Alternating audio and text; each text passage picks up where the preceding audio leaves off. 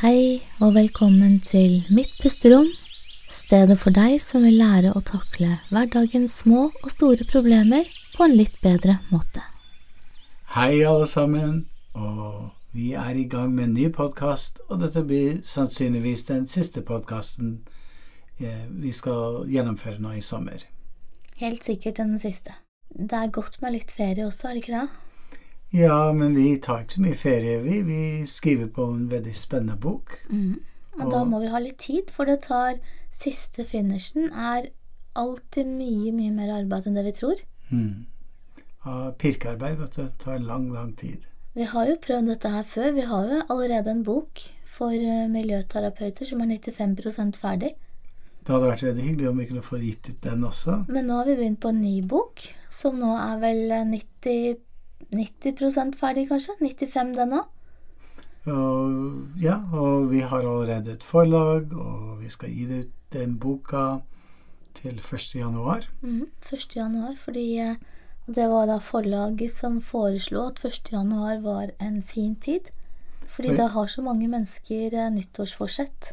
Og jeg sa ingenting om hvilket år 1. januar, januar er, fordi dette er en bok som kanskje kan gis ut hvert år til 1. januar. Det er i hvert fall det de håper på. Mm. Og det hadde vært gøy for oss òg. Ja, ja. Fordi det handler jo om boken vi skriver, eller nesten er ferdig med. Den handler jo om å mestre stress på en litt bedre måte, men da særlig med bruk av bevisstgjøring, refleksjonsspørsmål og hypnose. Det blir spennende. Så da skal du også bruke det ubevisste sinnet ditt til å ta litt tak i det stresset som foregår inni deg, og kanskje få tak i ting som du vanligvis ikke ellers ville ha fått tak i. Stemmer.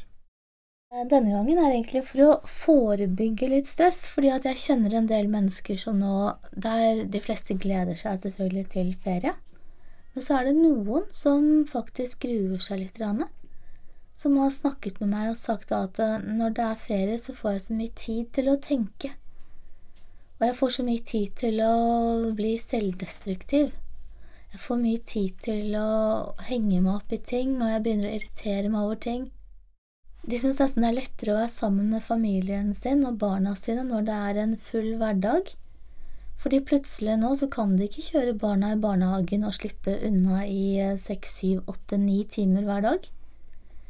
De må forholde seg til at barna står opp klokken seks og klokken syv og på en fridag, og de må forvente barn som er i turbomodus fra morgenen av.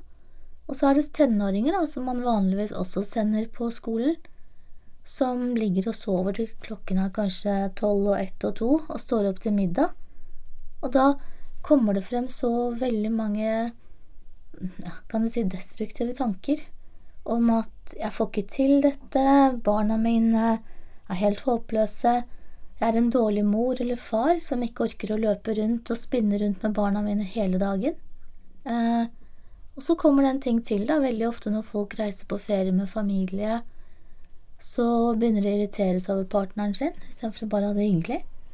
For de er vant til å se dem mye mindre, og så kommer det svigerfamilier, som også er utfordrende for veldig mange. Dette her er de problemene vi hører om. Det fins selvfølgelig også fantastiske, gode ferieminner med hele familien og barna, men i denne podkasten så har vi lyst til å ta tak i problemene for å hjelpe folk jobbe ut av problemene og finne en løsning. Så derfor så tenkte jeg at dagen i dag kunne handle litt om den indre dialogen du har om den situasjonen du er oppi. Så din indre dialog, det er den stemmen du har inni hodet ditt, hvor du på en måte kommenterer litt, dømmer deg selv litt, dømmer andre litt. Det er noe du Det er en slags Ja, det er rett og slett en dialog du fører med deg selv. Og den indre dialogen, den kan avsløre en god del om din tankesett, hvordan du tenker om verden. Og jeg har jo merket at folk som har en veldig streng indre dialog, oftest har en ubevisst forventning om hva de, hva de skulle ha prestert. Og det kalles for fixed mindset. De er fokusert på å leve opp til en viss standard eller har en forventning om hvordan ting skal bli, Og så blir de litt irritert på seg selv når de merker at, de, at det ikke er samsvar med, mellom hvordan de har tenkt det burde være, og hvordan ting egentlig er. Og det syns jeg er litt spennende å ta tak i, fordi det, det avslører en nokså stort uh, selvutviklingspotensial, syns jeg. Fordi vi vet at uh, folk som har en growth mindset, stort sett er litt lykkeligere og har det litt bedre med seg selv. Og de har mer suksess i livet, for de prøver mer, de tør mer. Og det er jo Carol Dweck som snakker mye om fixed and uh, growth mindset. Det var henne som er pioner. Mm. Pioner? En pioner, ja. Hun startet med det. Ja. Det er riktig. Ja. Og hun hadde vel en kjempesuksess i en TED-talk. Det er bare å søke på Carol Dweck. Mm. D-W-E-C-K. Veldig bra eh, TED-talk. Det er Mm. mye bra på TED-talk, men det blir jo ofte en overfladisk eh, greie. For de har jo ikke tid til mer enn 20 minutter. Det er det de får maks. Men hvis du finner noen der, så gå litt eh, i dybden på det. Hun har vært å sette seg inn i. Og hvis du tenker på nå litt hva vi snakker om de menneskene som da har et f.eks. et fixed mindset da, til seg selv, de vil også gjerne ha det til andre. Og da blir det en litt sånn svart-hvitt-tenkning, tror jeg. At vi må gjøre det på den måten, ellers gjør vi det ikke i det hele tatt. Hvis ikke vi har alt med til pikniken til eh, stranden, så kan vi ikke dra. Punktum. Hvis ikke ungene oppfører seg på en spesiell måte, så kan vi ikke dra. Hvis ikke jeg føler meg i form, så vil vi ikke dra i det hele tatt. Så er det den derre svart-hvitt, da. Det blir veldig begrensende. Det blir eh, det, det stopper opp litt, og det blir ikke noe fri flyt, og det blir ikke så veldig mye lykke av det heller. Og så er det en ting til jeg har lagt merke til. Mennesker som har et, eh, en fastlåst mentalitet, de eh, har en tendens til å avvise en del egne følelser og egne tanker. Ok. De vil ikke forholde seg til det hvis ikke det passer inn i deres allerede eksisterende virkelighetsoppfattelse. Og bare tenk for eksempel hvis det er parterapi. Hvis den ene parten er veldig fikst i sitt mindset, som for eksempel hvis eh, et menneske må ha svar på noe, som hun eller han kanskje ikke får svar på, eller som mener at ting må skje på en spesiell måte for at jeg skal klare å prikk, prikk, prikk, Mm. Da er det veldig lett at man låser seg litt. Og jeg påstår at fixed mindset, det handler jo om en grunnleggende usikkerhet, en utrygghet. Fordi jeg må ha svar, ellers så kommer jeg ikke til å takle det. Eller så orker jeg ikke. Eller så Det er mye frykt og usikkerhet i bånn der. Versus growth mindset, altså den som er mer vekstorientert, vil si at jeg skjønner ikke det svaret du gir meg nå. Jeg får det ikke til å henge helt sammen. Kan du utdype? Og hvis du da ikke er fornøyd med utdypningen, så fortsetter du å spørre videre igjen. ikke sant? Vi bare spør og graver og spør og graver hele tiden. Så det som kanskje skiller fixed mindset fra growth mindset, er evnen til å ikke bli sur eller irritert, i hvert fall ikke så lenge, når man gjør en feil. Så de som har growth mindset, tenker at når jeg har vurdert feil eller tenkt feil, så ofte så tenker jeg også spennende. Hva har jeg lært av det? Hvordan kan dette gjøre meg til å bli en bedre far eller mor, eller bli bedre i utførelse, utførelse av det jeg har tenkt å, å jobbe med? Ja, for det at altså vekst, eh, eller growth mindset, handler jo i stor grad om å være nysgjerrig på å lære, nysgjerrig på å utvikle seg, nysgjerrig på å se hvor mye godt kan komme frem av denne, vokse frem av denne dritten som akkurat ble kastet på nå. Så hvis vi går tilbake til utgangspunktet i podkasten i dag, hvor vi begynte å snakke litt om det å være på ferie Så hvis du er en, en, eh, en far, da, og du opplever veldig mye stress fordi barna f.eks. ikke står opp til riktig tid, så er det kanskje litt lurt å først granske litt sånn gran, Granske litt dine egne forventninger til hva kan du egentlig forvente av barn på ferie? Og, og hva, hva, hadde du forventet i forhold til dem? Og så hvis du blir sur på barna, og blir sur også på deg selv fordi du blir så kritisk, det er en sånn fixed mindset. Et growth mindset, en far ville ha tenkt oi, nå ble jeg litt sur, hvorfor det? Hva betyr det? Er det riktig for meg å fortsatt være sur på barna når de har fri? Så blir man litt nysgjerrig på den negative tankegangen, rett og slett. Og så vil man da etter hvert kanskje jobbe seg ut av den negative tankegangen. Mm. Det, det er det det handler om, å bare være nysgjerrig på seg selv og sin egen reaksjon, istedenfor kanskje å henge seg veldig opp i andres atferd. Men tenke på hva er grunnen til at dette betyr så mye for meg? Hvor kommer de tankene fra? Så hvis du fortsetter det eksempelet som du har, som jeg tror mange står oppi, det er jo det at hvis barna ligger og sover til klokken er tolv eller ett, eller to, det skjer det òg, hvorfor er det så viktig for deg at de står opp tidlig? Er det fordi at du selv ble pisket opp klokken syv eller åtte hver eneste morgen, for det er et prinsipp der i familien? Alle skal på tur, alle skal hjelpe til, alle skal beise veggen. Og det er kjempefint, jeg liker den, jeg liker den tilnærmingen selv, men jeg syns også det er litt viktig at det skal ikke være pisken om sommeren. Det skal være mer gulrøtter enn pisk. Og da finne ut av når på dagen er det ungene har mulighet til å male den veggen, da. Hva litt sånn Kanskje litt forhandle litt, at alle skal ha det bra på, på ferie. Og hvis ungene elsker å sove sent og ikke har lyst til å sitte rundt bordet og spise frokost, som de gjør hver dag ellers, så la de nå slippe frokost, da. Hvor viktig er det egentlig? Men Rita, jeg har jo funnet ut at gulrøtter er ikke så veldig motiverende for barn. Men kanskje iskrem funker litt bedre? Kanskje iskrem funker, ja. Du har prøvd gulrøtter på gutta dine? Ja, ja. ja, ja. Og det det står ikke, ikke så veldig det godt an. Sto ikke opp når du viftet med gulroten? Vi skal bare opp på toppen av uh, Gaustatoppen, og da får dere en gulrot, sier jeg til dem. Men det er ikke like gjevt som å få en Kvikk Lunsj. Men det var det, da.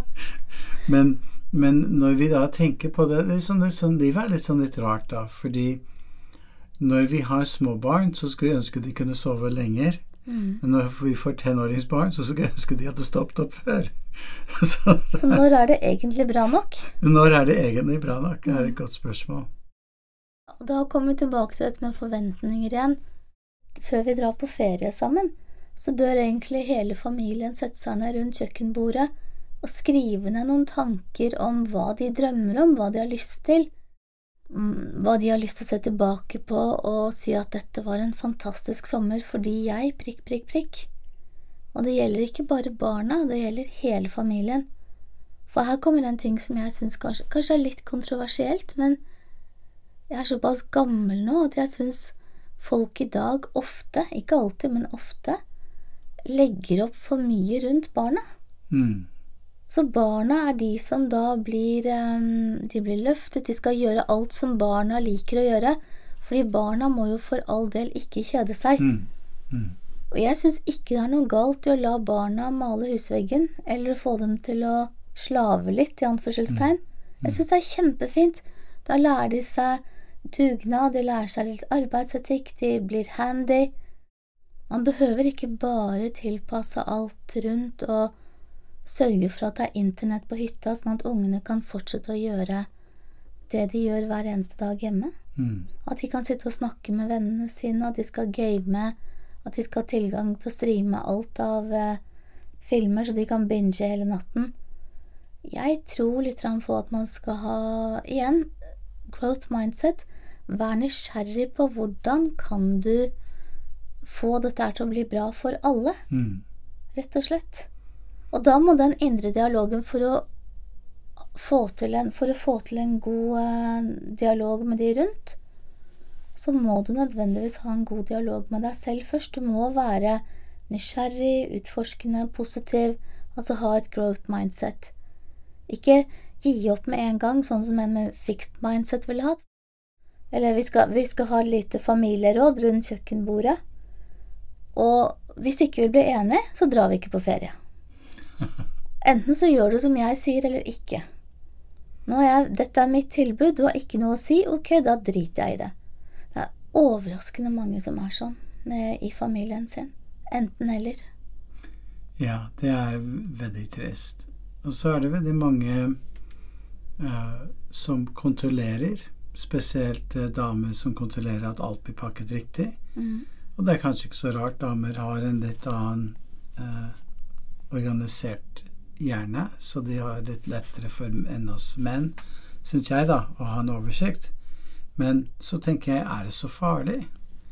Jeg en gang dro på ferie. Da var det bare jeg og guttene mine. Ingen, ingen kvinner var med. Og vi skulle til Syden. Og jeg hadde glemt et pakke med badetøy. Jeg hadde glemt å pakke med meg joggesko og T-skjorter. Så vi kommer til Syden. Hva i all verden hadde du i kofferten? Vi hadde, Ladere til mobilen? ja, vi hadde bare med håndbagasje. Ja. Jeg tenkte ikke over at jeg burde slenge inn uh, badehåndkle og, og, og sånn sommerklær i, i håndbagasjen. Nei. Så, men er det så farlig? Vi fikset det, vi. Vi dro til butikken og kjøpte det vi trengte. Mhm. Og jeg bare tenker at hadde jeg vært sammen med, med en, en kvinne da, så hadde jeg fått masse, masse kjeft for alt jeg hadde glemt. Men er det så farlig? Går det an å fikse det på en annen måte? Det er akkurat det. Det er veldig bra. For når du først har kommet dit, og du står der uten T-skjorter, badebukser og håndklær, og det er en badeferie, så er det kanskje lurt å bare løse det, Ja. istedenfor å forbanne deg selv over at du er surrete, eller at du har glemt noe. ja. Og det er også det er et bra eksempel, egentlig. De, jeg tror de færreste glemmer like mye som deg i kofferten. Jeg tror de husker badebuks når de skal på badeferie, men det er veldig mange som glemmer f.eks. En, en lader. ja. Eller andre ting som er ganske viktig egentlig å ha med seg. Og da har jeg sett så mange ganger at det blir kjempekonflikter og kjempedrama rundt denne ene laderen som, som har blitt glemt. Mm. Eller andre sånne ting som du må jo huske det. Kan du aldri. Vise en passiv-aggressiv tone. Ja, veldig, og ikke nødvendigvis bare så passiv. Jeg syns den kan være litt utagerende noen ganger også. Ja, ikke, ikke bare passiv. Kan bli veldig aggressiv òg, ja. En ting er hva du sier høyt til de rundt deg, men jeg vedder på også at denne indre dialogen igjen, da Hvis du har glemt noe Du kan jo le av sånt noe selv, for mm. du, har, du er litt laidback når det kommer til sånne ting, men det er veldig mange som da kan tenke Er det mulig? For en idiot jeg er. Så håpløs. Jeg, jeg glemmer det hver gang. Hva er det for noe galt med meg? Mm. Begynner jeg å bli dement, eller hva, hva er det for noe? Jeg er håpløs. Er det så farlig, tenker jeg. Det er akkurat det. Mm. Det er klart, men jeg, jeg tror liksom en mellomting her. For at hvis du må gjøre det hver gang Hvis du er for laidback og sier 'er det så farlig til absolutt alt', så ender du opp med å kjøpe veldig mange nye ladere. ja. Og veldig mye nye klær. Og da blir det veldig dyrt. Men jeg får inntrykk av at ladere er som, som sokker. Sokkene Du finner aldri det samme paret igjen. De på en eller annen måte blir borte i vasken og tørkemaskinen og alt mulig. Det skjer med laderne dine. Ikke ja, når jeg vasker dem. Når du vasker dem, ja. Nei, men det, det er så merkelig. Jeg kan ha kjøpt en ladekabel, og da finner jeg ikke den kabelen. Så jeg har funnet ut at det er litt lurt å ha flere kabler og flere ladere som ligger ligner litt rundt. Okay. Så jeg er sikker på at jeg finner dem. Ja, det er kanskje Da ser du dine egen begrensninger, i hvert fall. Og da, da vet du at jeg må ha flere ladere i rommet for å finne den ene når jeg trenger den. Ja, men når sånn. du har eh, to eh, Nå er de sto, store nå, da, men når, du hadde, når jeg hadde to tenåringer i huset samtidig Ting hadde en tendens til å bli litt borte her og der. Det er ikke så rart. Og da er det igjen dette med forventninger.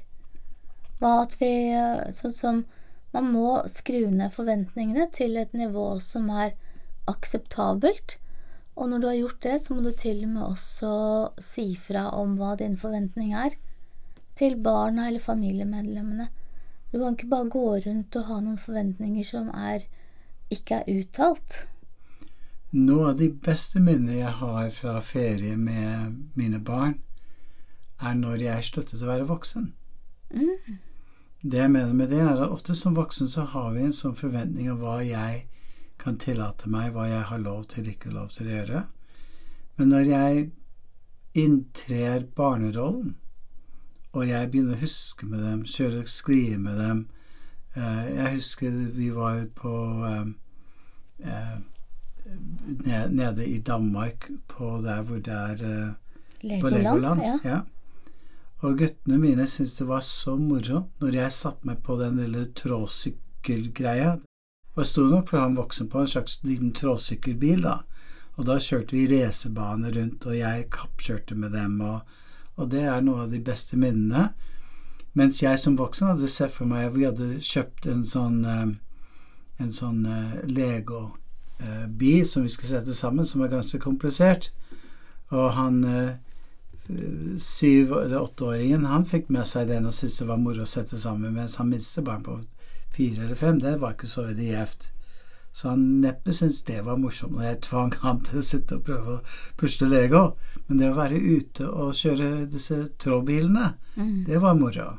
Så jeg tenker det er veldig viktig for voksne å legge vekk sine ideer om hva, hvordan bør jeg oppføre meg, Mm. hva som er riktig atferd for meg som voksen. Og heller tenke hva slags minne kan jeg skape hvis jeg uh, endrer på den uh, fixed mindseten og tillater meg selv å være litt mer leken. Og lekenhet i seg selv er jo en growth mindset. Veldig. Uh, det minner meg litt om et sånn lite meme som jeg lagde i går. Jeg har bare ikke postet ennå, men jeg tenkte jeg skulle poste på Facebook-gruppen vår etterpå. Og da skrev jeg som et lite notat til meg selv Hvis du irriterer deg over dine barn i sommer, trekk pusten, lukk øynene, forestill deg at du er 90 år og ser tilbake på livet ditt. Den er god. Hva hadde du hatt fokus på i dag hvis du hadde hatt den gamles visdom? Mm. Det er, det er noen ting, altså Hva tror du at du hadde Hvilke råd kan du gi det til, til deg selv hvis du er 90 år gammel og blir heldig og blir såpass gammel? Hva kunne du gitt som råd til deg selv denne ferien? Hvordan hadde du valgt å se på barna dine da? Hvilke kamper hadde du tatt, hvilke hadde du gitt slipp på? Hvor mye hadde du sittet bak mobilen, og hvor mye hadde du lekt med ungene? Ja, for det er Du kommer inn på noe som er veldig viktig, det med mobilbruk. Det er noe av det tragiske jeg ser, er når folk ser på mobilen mens de triller, triller en barnevogn, og barnet sk skriker. Det er fryktelig trist. Eller eh, den gangen jeg gikk med barna mine til Legoland, da hadde jeg ikke så mye mobil. I hvert fall, jeg kan ikke huske at jeg brukte mobilen i noe særlig grad da.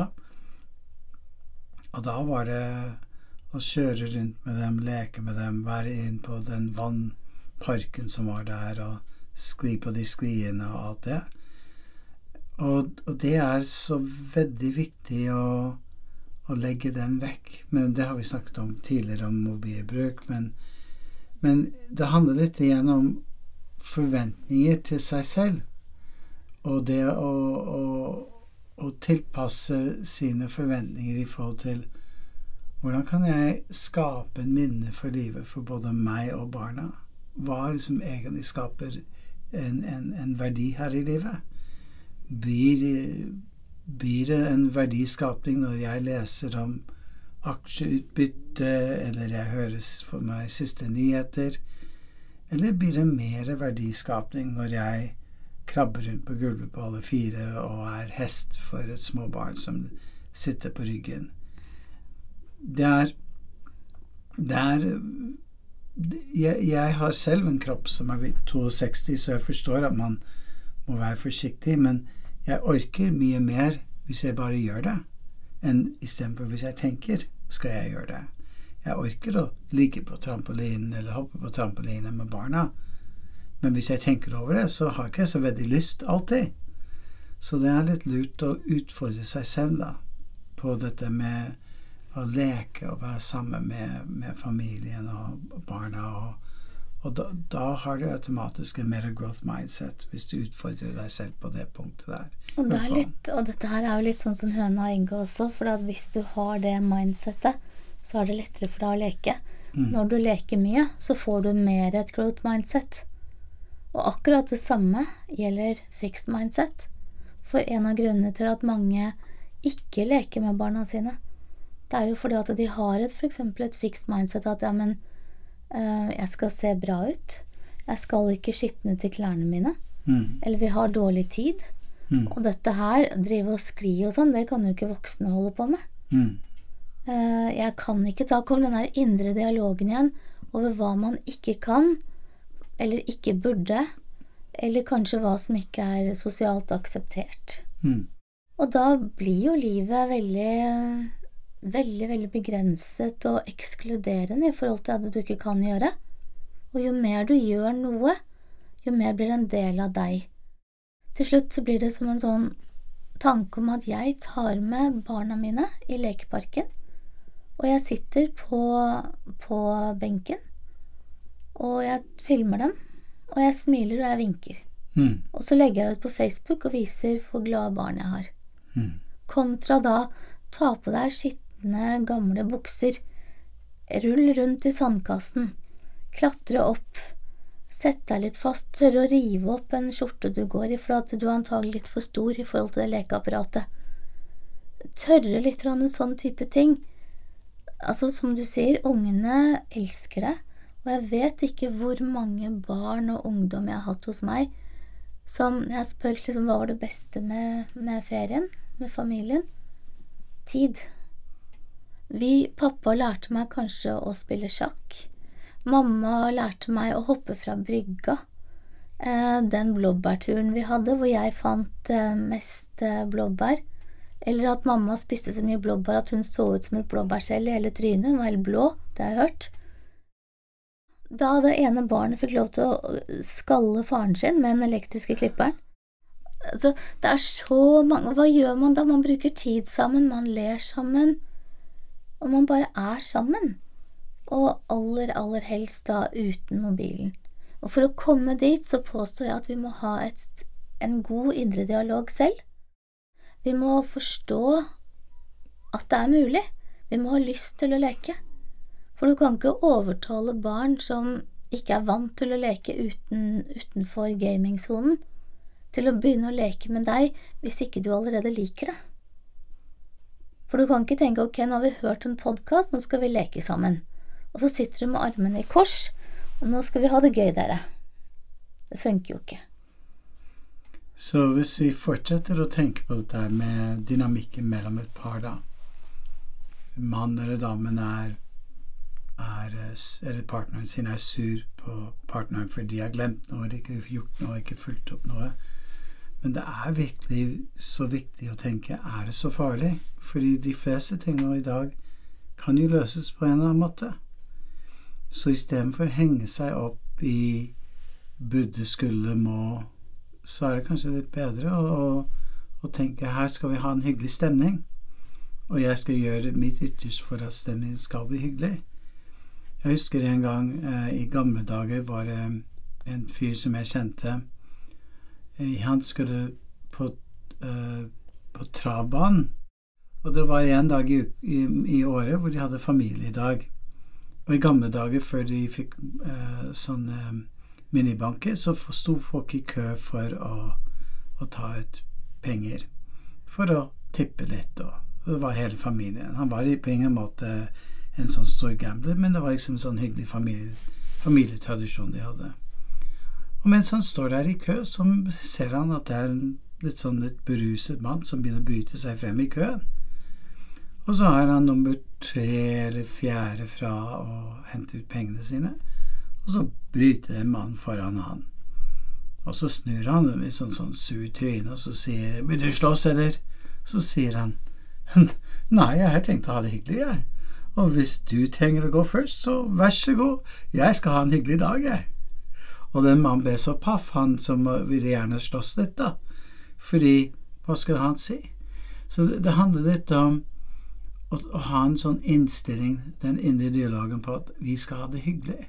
Mm. Og hvis man har det, så, så kan man kanskje godta mye mer enn hva, hva man ellers ville gjort da i hverdagen. Og da er det veldig mange måter å ha det hyggelig på. Ikke den at vi har det hyggelig når, der, når barna står opp i rett tid. Vi kommer oss ut i båten før klokken elleve. Alle har husket å ta med det og det og det. og solkremen er på plass, og eh, fisken napper. Altså, hvis, hvis, vi har Og når vi har gjort sånn og sånn og sånn, da blir det en bra dag. Så glem alle tankene om hvordan dagen bør være, eller burde bli. Glem disse forventningene, bare tenke at eh, ok, i dag så er det kanskje litt overskyet, ungene sover litt. Hvordan kan jeg nyte øyeblikket mens de sover? Kanskje du har en god bok du har lyst til å lese, kanskje du bare har lyst til å meditere litt, sitte i fred, sitte på trammen og ta en kopp kaffe, snakke med partneren din, ringe en god venninne.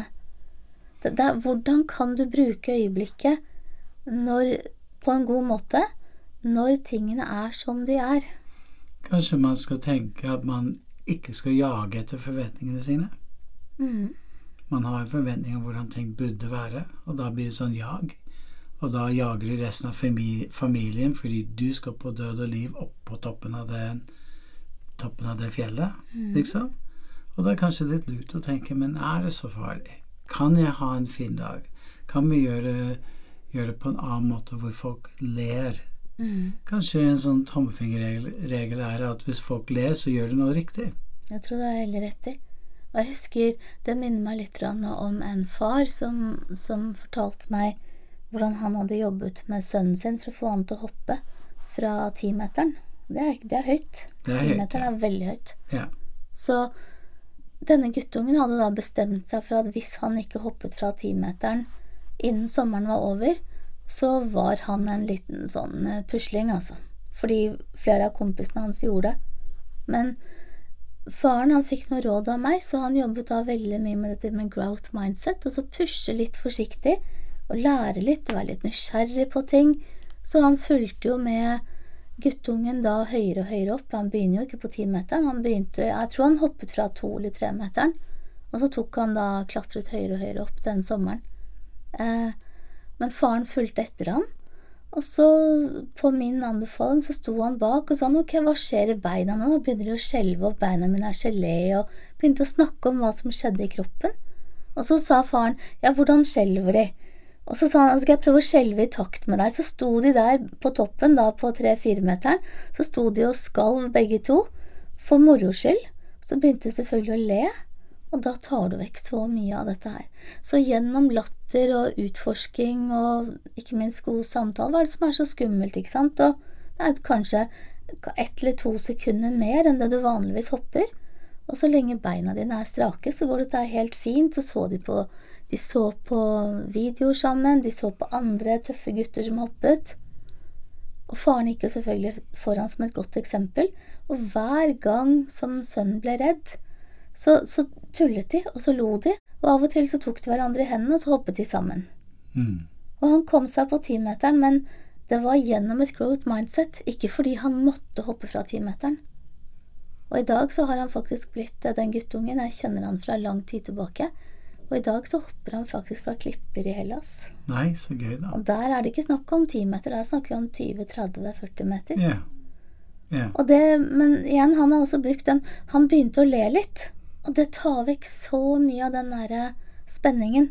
Når du ler litt, eller hvis du begynner å bli sinna på partneren din, mm.